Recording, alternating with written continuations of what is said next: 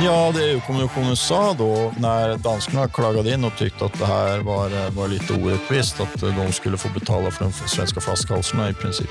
Och då sa de att det här då kunde strida mot olika typer av EU-regler om fri rörlighet av varor och icke-diskriminering.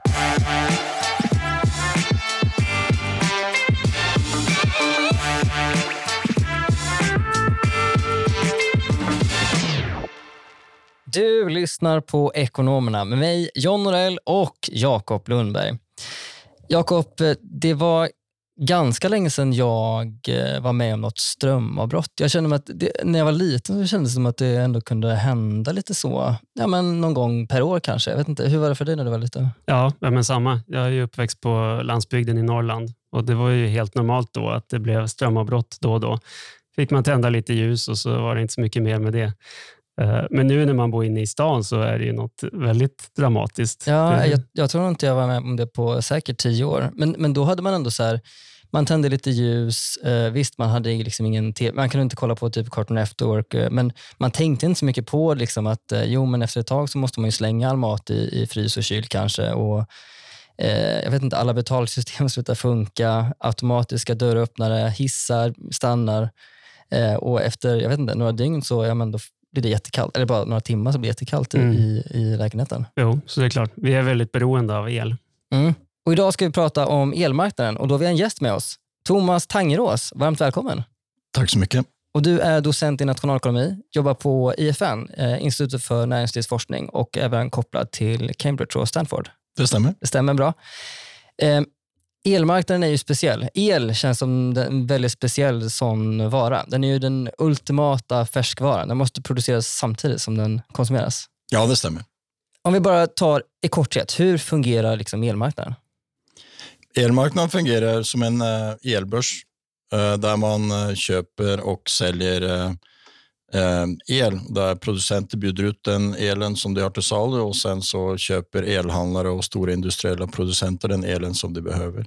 Och Det är lite som en klassisk eh, textboksmarknad eh, som man ser att du får en utbudskurva en efterfrågekurva och sen så klarerar eh, marknaden i jämviktspriset och jämvikts kvantiteten så att eh, det är väldigt mycket som, man, eh, ja, som det man lär sig eh, när man läser nationalekonomi. Ja, faktiskt. Allra första lektionen, ja, ja. kanske inte första, men då, precis, ut på efterfrågan. Men eh, klarera säger du, okay, hur, hur konkret funkar det? Liksom, för, det för det är liksom en aktion då? Ja, det är så att eh, om du är en producent till exempel så anger du då till elbörsen för någon särskild timme hur mycket du är villig till att producera till olika priser och ju högre pris desto mer vill man oftast producera. Mm. Så då skapas så, så varje producent lämnar in en utbudskurva så att säga. Och motsatt är ju då på konsumentsidan. Då levererar du då in om du är en elhandlare eller en elintensiv industri av något slag. Hur mycket el tänker vi att kan vi tänka oss att förbruka till olika priser och oftast är det så att när priset är högre så förbrukar man mindre el.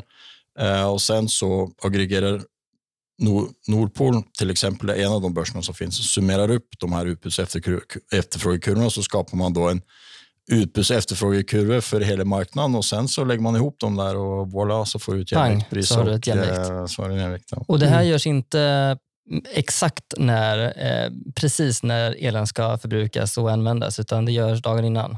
Ja, den viktigaste marknaden är precis som du säger, det är ju den som klareras dagen innan och då är det så att marknaden just nu då är delat in i 24 timmar, så det är liksom en marknad för varje timme.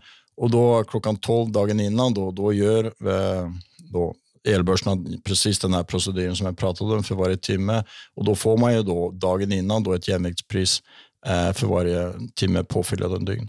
Och orsaken till att man gjorde det ja, varför man har en dagen före-marknad, det är ju att det kan ta tid att aktivera och planera och, och ju längre tid i förväg du kan, du kan planera saker och ting, desto billigare blir det. Så det fanns en poäng då eh, att göra det här innan. Och orsaken till att man hade eh, 24 timmar var ju, som jag, som jag var inne på tidigare, att det är viktigt att balansera förbrukning och produktion så mycket som möjligt. Och då var liksom en timmes intervall, det, det var liksom det, det kortaste man klarade av när man införde den här marknaden mm. eh, 1993. Jag tror att man gjorde det i Norge. Ja.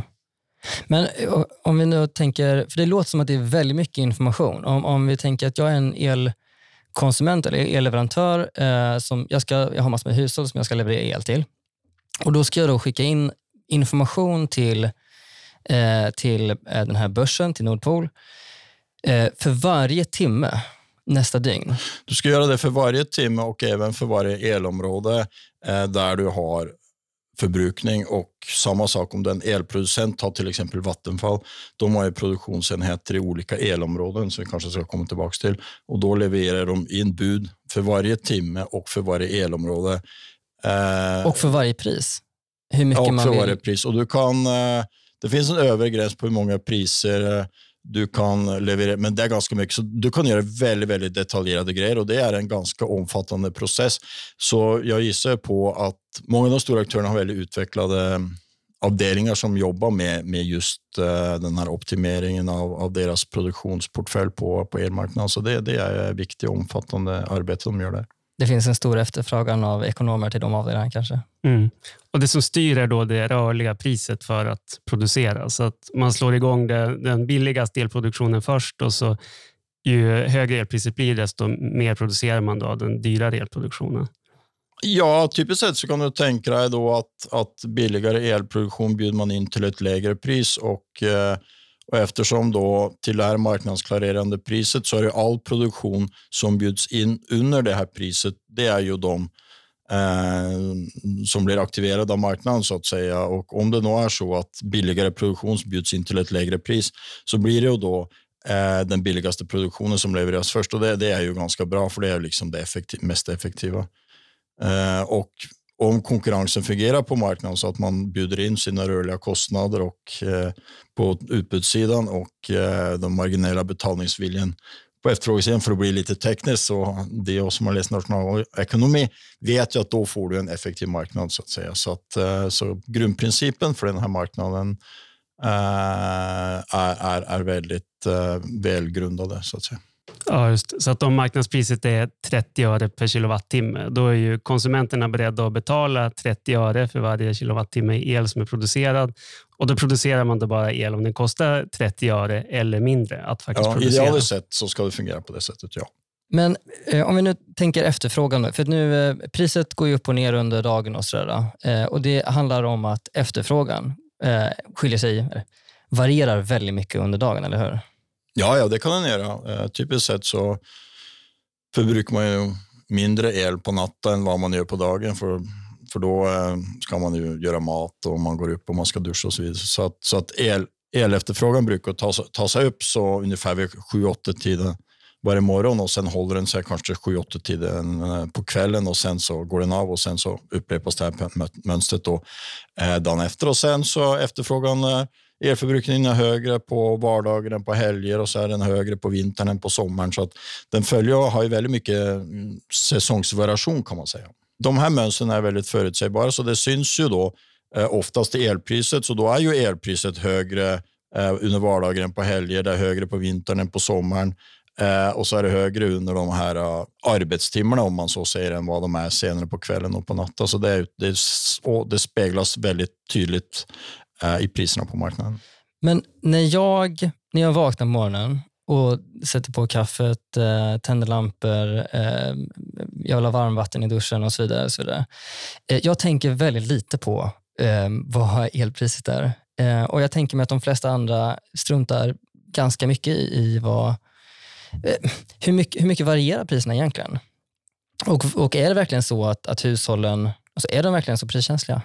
Ja, det är ju två frågor igen här. För det första så är det ju så att eh, Förut så varierade elpriserna väldigt lite fram till och med 2020 ungefär och då började det liksom hända grejer på elmarknaden. Tidigare så har ju elpriserna åtminstone årsgenomsnitten varit ligger på 20 till 40 öre per kilowattimme.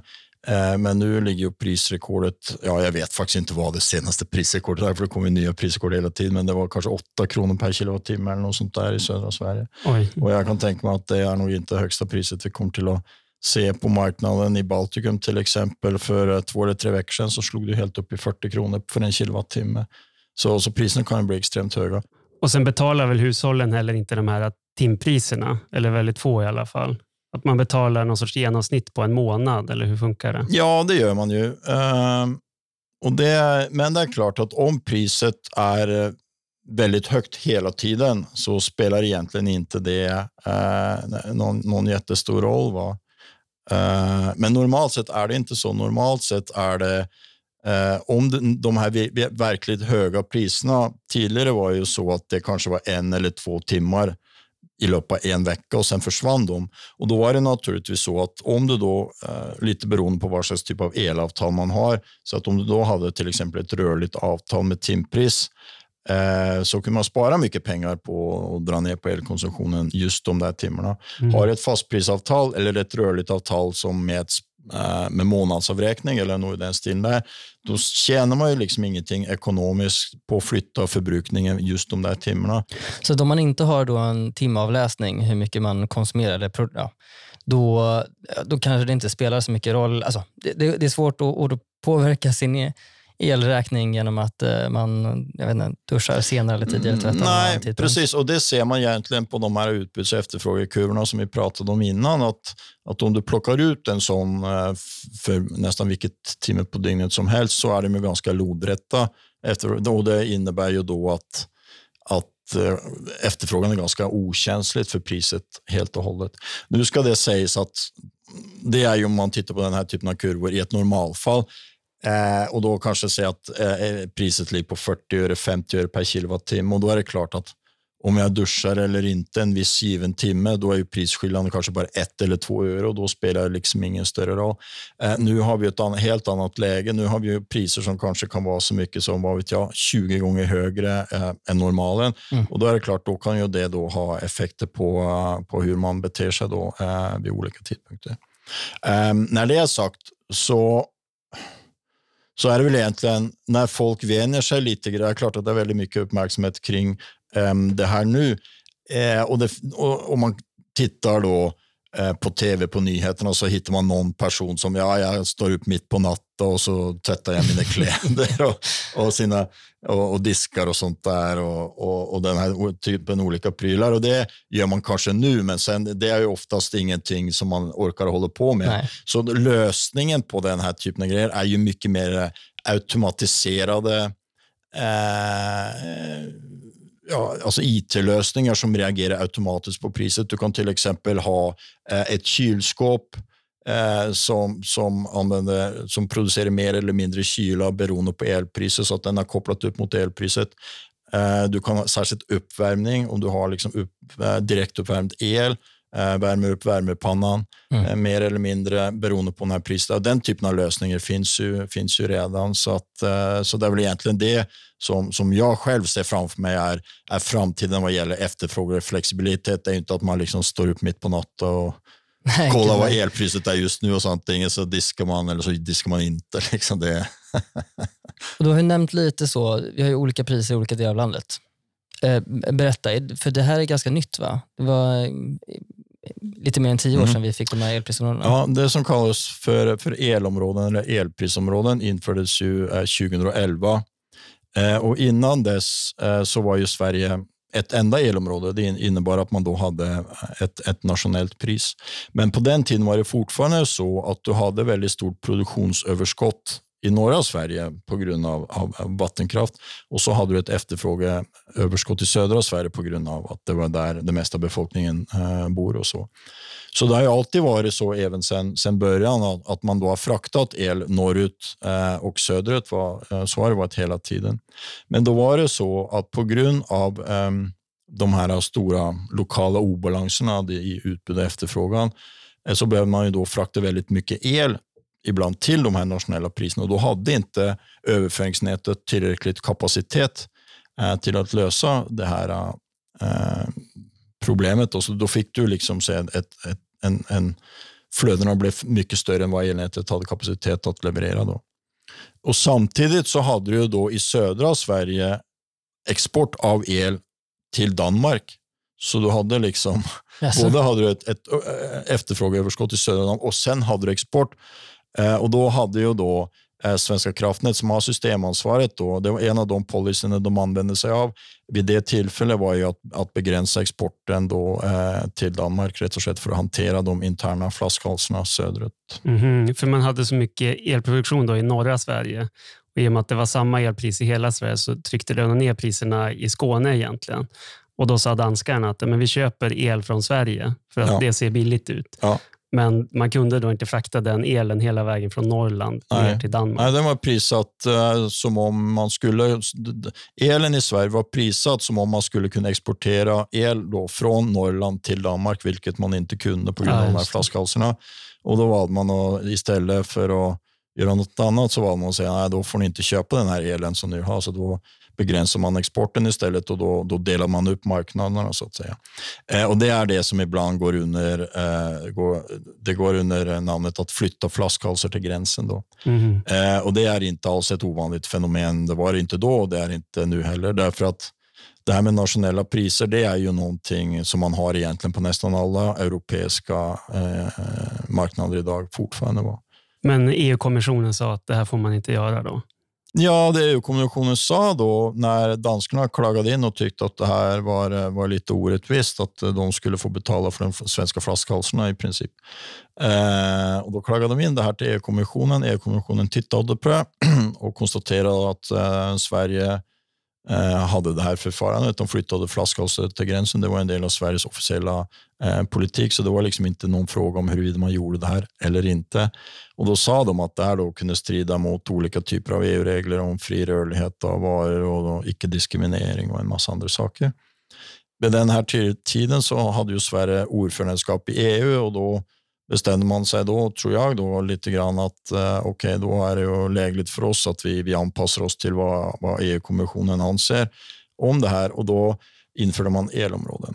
Och syftet med elområden är att skapa ett lokalpris. Och det, det som hände då var ju då i norra Sverige, då, eftersom du hade då ett, ett utbudsöverskott i norra Sverige, eh, då sjönk priset i norra Sverige och så gick det upp i södra Sverige. Och då fick du, eftersom du då fick en bättre lokal balans mellan utbud och efterfrågan, då minskade ju belastningarna på ledningen, då, då minskade exportbehovet så att säga. Mm. Så det funkade i Eh, den bemärkelsen? Ja, det funkade i den bemärkelsen. Och då, och då innebar ju det då, enligt Svenska kraftnät själva, då, på grund av införandet av eh, Eh, de här elområdena så minskade då behovet då av att dra ner exporten till Danmark. Så det har har ju uppfyllt eh, det här syftet då mm, med en bättre eh, lokal balans mellan utbud och efterfrågan. Sen på lite längre sikt när man har den här eh, elområdesskillnaderna, då, då, då ser man ju då att har du då ett högre pris, då är det ju mer, blir det mer attraktivt att, att investera längre söderut än vad det annars skulle ha varit. Samtidigt så har du ett längre, lägre pris längre norrut, då blir det mer attraktivt att förlägga elintensiv industri eller batterifabriker eller, eller serverhallar eller vad det nu måste vara längre norrut. Så att på lite längre sikt så ökar det också effektiviteten för att saker och ting hamnar där de ska vara, ja. eh, hamnar rätt i, i, i rel- relativt till de produktions och efterfrågeresurserna som finns. Va? Eh, och Det innebär då på lite längre sikt, om då marknaden får lov till att fungera eh, Mm. vid något tillfälle, då kommer de här prisskillnaderna då till att jämnas ut. Där, tänkte jag. Helt enkelt, incitament fungerar. Det, Ja, det, det det, har- det, har ju- med fler har- företag som är elintensiva upp eh, norr, norr i Sverige och eh, ja, det vore bra ifall vi fick lite mer eh, elproduktion Ja. i södra Sverige. Det, det, elområden kritiseras ju jämt och ständigt. Eh, det finns många saker och ting nu som tyder då på att, eh, att den elområdesindelning som vi har just nu eh, inte är helt ändamålsenlig. Till exempel till följd av interna flaskhalsar då, i, S, i elområde Stockholm, då, där själva Stockholms stad ligger. Då. Att vi- Tillsammans med resten av Mellansverige? Då. Ja, tillsammans, ja, till resten av Mellansverige. Ja, just det, precis. Eh, så du har, nu har du liksom samma elpris om du bor i Årjäng eller om du bor i Stockholm city. Till trots för att Årjäng har ju då en bättre försörjningssituation än vad man har i Stockholm city som är väldigt, väldigt beroende av, av överföring från andra ställen eftersom möjligheten att bygga lokal elproduktion i Stockholm city är ju ganska begränsade. Ja.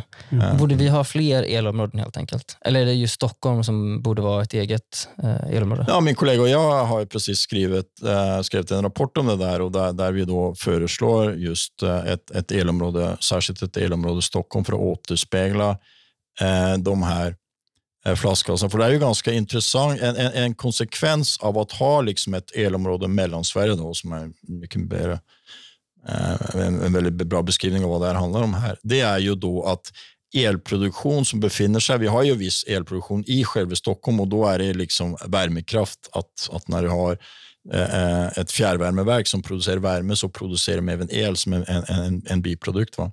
Så det finns lokal elproduktion. Men den här lokala elproduktionen den ska ju då konkurrera då mot, på grund av hur marknaden är strukturerad, så ska den konkurrera mot eh, Forsmark, kärnkraften i Forsmark på allt annat håll. Och det klarar de inte av. Så konsekvenserna, till, till trots då för att den här lokala elproduktionen är otroligt viktig för att undvika elbrist och bristsituationer, så, klarar den ändå, så blir den ändå olönsam. Så vi har ju det paradoxet att vi har värdefull elproduktion som faktiskt är olönsam och hotas eh, med nedläggning. Och om du då inför ett elområde istället, då, då skulle priset i Stockholm gå upp till följd av, av efterfrågeöverskottet och då skulle ju då den här kritiska elproduktionen som nu får olika typer av stöd, investeringsstöd och det ena och det andra, då skulle den överleva på marknadsmässiga villkor. Va? Och dessutom så skulle du då få incitament till kanske fler skulle ha solcellspaneler på taket. Eh, och det finns all möjliga, och det finns all möjliga potential. Sen är ju, finns det ju naturligtvis en negativ sida av det här också och det är ju då att ett högre elpris det betyder ju då eh, högre priser för kunderna också då egentligen. Va? Eh, och det är ju naturligtvis någonting som Stockholms stad och, och Handelskammaren och andra är väldigt oroliga för då med införande av den här typen av mm. elområden. Mm. Och i vårt förslag är ju då att vi bara inför de här elområdena för produktionssidan men inte för förbrukningssidan och då skulle då eh, i så fall eh, att, el, eh, att konsumenterna betalade ett lägre pris än förut och producenterna fick ett högre pris. Och Det här skapar ju då... Och att skattebetalarna ska nej, stå för mellan... Nej, nej, nej, det ska Svenska kraftnät stå för tycker vi. Då. Aha, okay. ja. För de tjänar så mycket pengar på flaskhalsintäkter i vilket fall och de sparar en del, hel del pengar på införande elområden också. Så, så, så, så, du har rätt i att, eh, att då går inte ekvationen ihop längre om de måste betala för det här. Och då tycker vi att det är naturligt att Svenska kraftnät då är den naturliga motpart som tar den här kostnaden. Och, och Svenska kraftnät, vad är det? Svenska kraftnät är ett eh, statligt affärsverk och som äger då de högspända transmissionsledningarna som liksom är ryggraden i eh, den svenska elförsörjningen. Så det är de som äger de högspända ledningarna som gör att man då kan frakta då vattenkraft från Luleälven då ner till eh, Malmö till exempel. Så när det sker liksom, eh, mellan de olika elområdena, eh, att det flyttas el, är det det de tjänar mycket pengar på? För vi, vi hade fyra stycken mm. och eh, Um, ska se, vad, vad, är, vad är elpriserna just nu? Jag kollade upp det här. Man kan gå in på Svenska kraftnäts hemsida och se priserna i realtid. tycker jag är ganska intressant.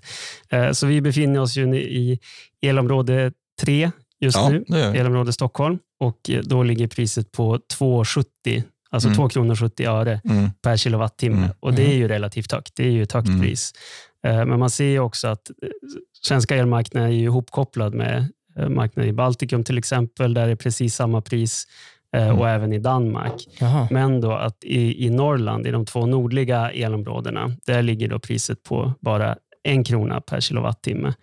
Och att det är då ett väldigt stort flöde på eh, nästan 6 gigawatt från då elområde 2 till elområde 3. Alltså från eh, södra Norrland till eh, Mellansverige. Mm, ja. Mm. Och då är, det, då är det den som gör vinsterna på dem. Någon tjänar pengar på att köpa saker och ting billigt och sälja köpa saker och ting, eller inte så, köpa el. Någon tjänar ju på att köpa el, el billigt in, i Norrland och sälja det dyrt i södra Sverige. Um, och det, är, och det är ju den som äger transmissionsnätet och i det här fallet så är det Svenska kraftnät och, och de gör ju då um, enorma eh, flaskhalsvinster just nu. Förut när prisskillnaden var mycket mindre så var inte eh, de här flaskhalsintäkterna eh, enormt stora, men nu, nu är de ju liksom, har ju, de ju tappat alla proportioner.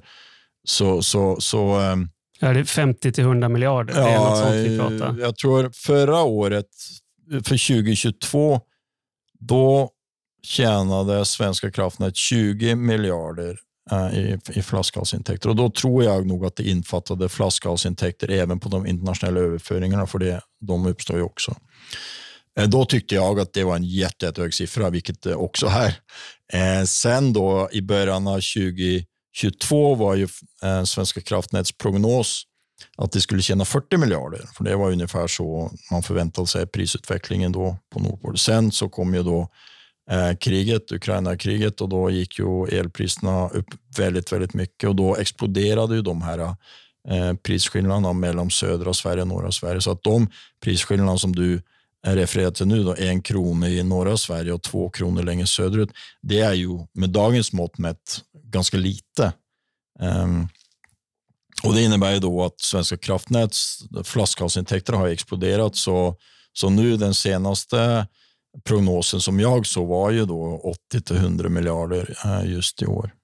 Och Det heter flaskhalsintäkter just för att man har inte byggt ut transmissionsnätet tillräckligt mycket. Så att då uppstår ja. det flaskhalsar och då uppstår också prisskillnader ja, och som då, då kraftnät tjänar och då uppstår på. Intäkter. Det uppstår flaskhalsar och så uppstår intäkter. Man kan ju notera då som, en, eh, som ett litet kuriosa är att eh, Svenska kraftnät själva inte använder termen flaskhalsintäkt. De kallar det för kapacitetsavgifter som ingen begriper vad det är första gången man hör det där ordet.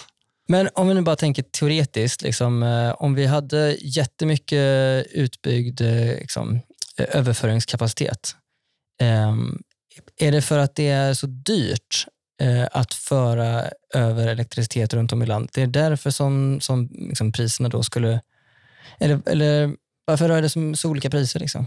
Ja, alltså orsaken till att du har de här väldigt stora prisskillnaderna det är ju precis på grund av kapacitetsbegränsningar eh, i elnätet och eh, delvis är det på grund av att kapaciteten är vad den är och ibland så är det även så att Svenska kraftnät drar ner kapaciteten av, eh, av vad ska jag säga, tekniska orsaker för att balansera systemet på ett bättre sätt. Men vi har statligt monopol som, som eh, tjänar jättestora monopolvinster på att... Eh, och då, jag fattar att de inte har jättemycket incitament att bygga ut jättemycket liksom, överföringskapaciteten. Säg emot mig nu. Mm, ja, ofta så, eh, monopol gillar jag och tjäna pengar, det är klart. Men nu är ju, för det första är det ju så att, eh, och det gillar väl säkert Svenska kraftnät gillar också mycket resurser, men de har ju ett ansvar, de har ett samhällsansvar och dessutom är ett reglerat monopol också. så att de... Eller, för det är inte ja, då, jag, jag, jag, vad, jag ska inte spekulera i varför Svenska kraftnät gör och inte gör saker, men jag tror också Svenska kraftnät säger själv att den här utbyggningen idealiskt sett borde gå snabbare än vad den gör. Eh, och då handlar det mycket mer eh, eh, den officiella förklaringen till varför det här tar lång tid. Det är olika typer av tillståndsprocesser och det är interna arbetsbelastningar och en massa andra saker. Det är de förklaringar man oftast får höra när man, när man ställer frågorna kring varför det här inte går fullt så snabbt som de allra flesta tycker att det borde gå, inklusive Svenska kraftnät själva. Mm, byråkrati. Okej, okay, om, om vi nu, vi har pratat lite om hur den svenska elmarknaden är liksom ihopkopplad med resten av, eh, ja, vi pratade lite om Danmark och, och, sådär, och Baltikum. Men, men eh, man hör ju en del om att vi är kopplade till resten av Europa. Hur, hur, hur går det här? Liksom? Hur sitter vi ihop med resten av, av Europa när det kommer till elmarknaden? Ja, alltså Sverige är ju ihopkopplad med eh, sina nordiska grannländer och även Baltikum och, eh, och kontinenten, då, Tyskland. Och Det är ju, det är ju igen det högspända överföringsnätet, så att de här transmissionsnäten som vi pratade om tidigare, de, de är ju ihopkopplade genom hela Europa, så hela vägen ner till ja, Spanien och Portugal. Så, där. så det är egentligen... Kan de köpa på Nordpol? Liksom? Kan de köpa el därifrån? Nej, det gör de inte. Därför att de här, äh, det var det vi var inne på tidigare, att de här marknaderna är väldigt nationella. Att om, om jag då är en elproducent som producerar i norra Sverige så får jag det, liksom det lokala priset. Så man får hela tiden att betala det lokala priset. Alla handelsvinster som uppstår då eventuellt hela vägen från Sverige hela vägen ner till Portugal, det går, går i fickorna då på de olika Eh, nätägarna hela vägen neråt. Så, att, eh, så att det är inte så att om jag är en spanjor och så säger jag att elpriset är lägre i norra Sverige, att jag då kan köpa den elen. För att Nej. jag måste köpa den elen lokalt, så att säga. För att den elen finns ju inte att tillgå så att säga, på grund av de här kapacitetsbegränsningarna. Men det sker ändå handel mellan, alltså med grannländerna, så att eh, priserna jämnas ut? Liksom. Ja, det gör det. Ja, det, gör det. Eh, Sverige är ju då eh, nettoexportör av el eh, och eh, Sverige till exempel då, eh, Eh, vår största handelspartner på elsidan vad gäller export är ju Finland till exempel, så Finland får ju väldigt, väldigt mycket el eh, från Sverige. Norge importerar, nej, ska säga, Sverige importerar el eh, från Norge och, och handlar då även då med, med Tyskland och, och Baltikum. Och oftast är export lite import av och till. Det går lite åt båda hållen där. men stort sett så, så är Sverige eh, exporterar sitt överskott. Och eh, det är ganska intressant om man ser ja, hur, stor, hur stor export, hur stor nettoexport har Sverige på årsbasis. Då är det så att Sverige ungefär exporterar ungefär lika mycket som den totala vindkraftsproduktionen. Så det man kan säga är att svensk vindkraftsproduktion går på export. Det man kan säga är, är ju då att eh, den största, om du tittar på, på investeringar i produktion, det, det som har hänt, det, det, det, viktigaste som har hänt de senaste 20 åren är ju att man har haft en stor eh, utbyggnad av vindkraft. Uh, och man kan säga så att även utan den här vindkraftsutbyggnaden så skulle ju då Sverige åtminstone på årsbasis ha varit självförsörjande med el. Då, så kan man säga. Men eh, om man skulle bara kapa kablarna, liksom. nu, eh, nu säger vi att, eh, eller om man, om man tänker, kan man, kan man liksom isolera och ha liksom Sverigepriser? Ja, det kan man göra. Det, är det en bra det, idé? Det, det viktigaste greppet för att få ner priserna rent tekniskt, det skulle vara då man kapade exporten till Finland uh, och till kontinenten. Det skulle då skapa Sverigepriserna och då skulle priserna gå ner. Uh, så det skulle man ju kunna göra rent tekniskt då. Uh, dels tror jag inte att det är en bra idé för det första för att det skulle bryta mot eh, en, ett gäng EU-regler eh, och fördrag eh, i EU som vi var inne på tidigare. Var att det där har ju Sverige åkt på förut. De är hårda. Mm. Det är det ena. Det andra är ju då, inget land är ju en ö så att säga, kanske bortsett från de som är öar. Men så att, så att även om, även om Sverige då exporterar el så är det även så att vi importerar el från Norge till exempel. Och om du bete dig, om du då stänger ner din egen sport så kan du räkna kanske med att andra länder eh, gör samma sak mot dig. Eh, och då får du då eh, isolerade länder och, det, och de allra flesta ekonomer håller åtminstone med om att eh, handel skapar viktiga vinster. Inte bara ekonomiskt, det finns även andra aspekter som är väldigt viktiga här. Eh, och det är ju just eh, tillförlitligheten, tillförlitligheten i elsystemet. För att om vi då har ett integrerat och, och, och välfungerande system där folk håller, ja, hjälper varandra så att säga. Då behöver man liksom, då kommer man förlita sig på andra när man själv behöver hjälp och så kan man hjälpa andra när de behöver hjälp som innebär då att rent fysiskt och, och själva eh, leveranssäkerheten och tillförlitligheten i elsystemet går upp om du har ett integrerat och välfungerande system. Mm. Så det är en dålig idé helt enkelt? Ja, det är en ganska dålig idé. Ja. Innan vi ska avsluta. Um, vi avreglerade elmarknaden eh, 96, 1996. Eh, hur, hur var det innan det? Och eh, liksom, Blev det bra? Funkade avregleringen? Innan dess hade vi um, en, en, reglerad elmarknad eftersom den inte var avreglerad. Uh, och Det det innebar, och de allra flesta tror jag är väl, var väl överens om, då, åtminstone de, de rapporter som jag har sett som diskuterade avregleringen, att det funkade ju ganska väl så tillvida att vi hade en effektiv och ganska effektiv och välfungerande elförsörjning på det sättet. Det var bara det att man, man investerade så in i bomben så man hade egentligen mycket, mycket mer kapacitet. Man byggde tio kärnkraftverk. Nej, det gjorde man inte alls. Man byggde hur många? Man byggde 12 reaktorer. 12, 12, man byggde 12 stora kommersiella reaktorer till exempel. Så man hade egentligen eh, ett, ett elöverskott. Så, så syftet med avregleringen var lite grann Eh, att förbättra investeringsincitamenten, att de skulle göras mycket, mycket mer på marknadsmässiga villkor än, än på vad ska jag säga, reglerade villkor för att eh, försöka och tillgodose industrin med den elen som de tyckte att de behövde. Så syftet var egentligen att, att förbättra investeringsincitamenten Eh, Eh, och Det behövde inte nödvändigtvis betyda att man skulle investera mer. Det handlade snarare om att man skulle investera mindre. Men jag tänkte på, på kort sikt så har väl ändå elmarknaden fungerat så att säga. Att man, man vet att det är en kostnadseffektiv produktion av el. Det är den billigaste produktionen man slår på först och så vidare. Det, det tycker jag nästan man kan säga. Eh, för det första så var det den värsta farhågan var väl nästan att när, när du avreglerar ett reglerat system eh, som är så otroligt viktigt att det fungerar hela tiden. Bara det att det liksom har fungerat fysiskt tycker jag är liksom att eh, vittnesmål om att det här går, det här går ju faktiskt att göra. Och det har ju, den, så den avregleringen fungerade ju väldigt, väldigt bra på det sättet. Sen har man ju då haft då Säkerligen på grund av att man har haft mycket av den här överkapaciteten och av andra orsaker. Eh, har man haft, och det ska man komma ihåg nu som vi sitter idag och, och diskuterar eh, bland annat höga elpriser och, och, och, sånt där. Att fram till för några få år sedan så var ju elpriserna eh, det, ja, ganska låga. Det var inte så många som tyckte att elpriserna var låg på någon eh, oskäligt hög nivå. Ehm, sen 2012 så har ju elpriserna på årsbasis pendlat någonstans mellan 20 och 40 öre och det tror jag nog per kilowattimme och det tror jag nog ganska många skulle tycka var, var, var är rimlig pris att betala för el.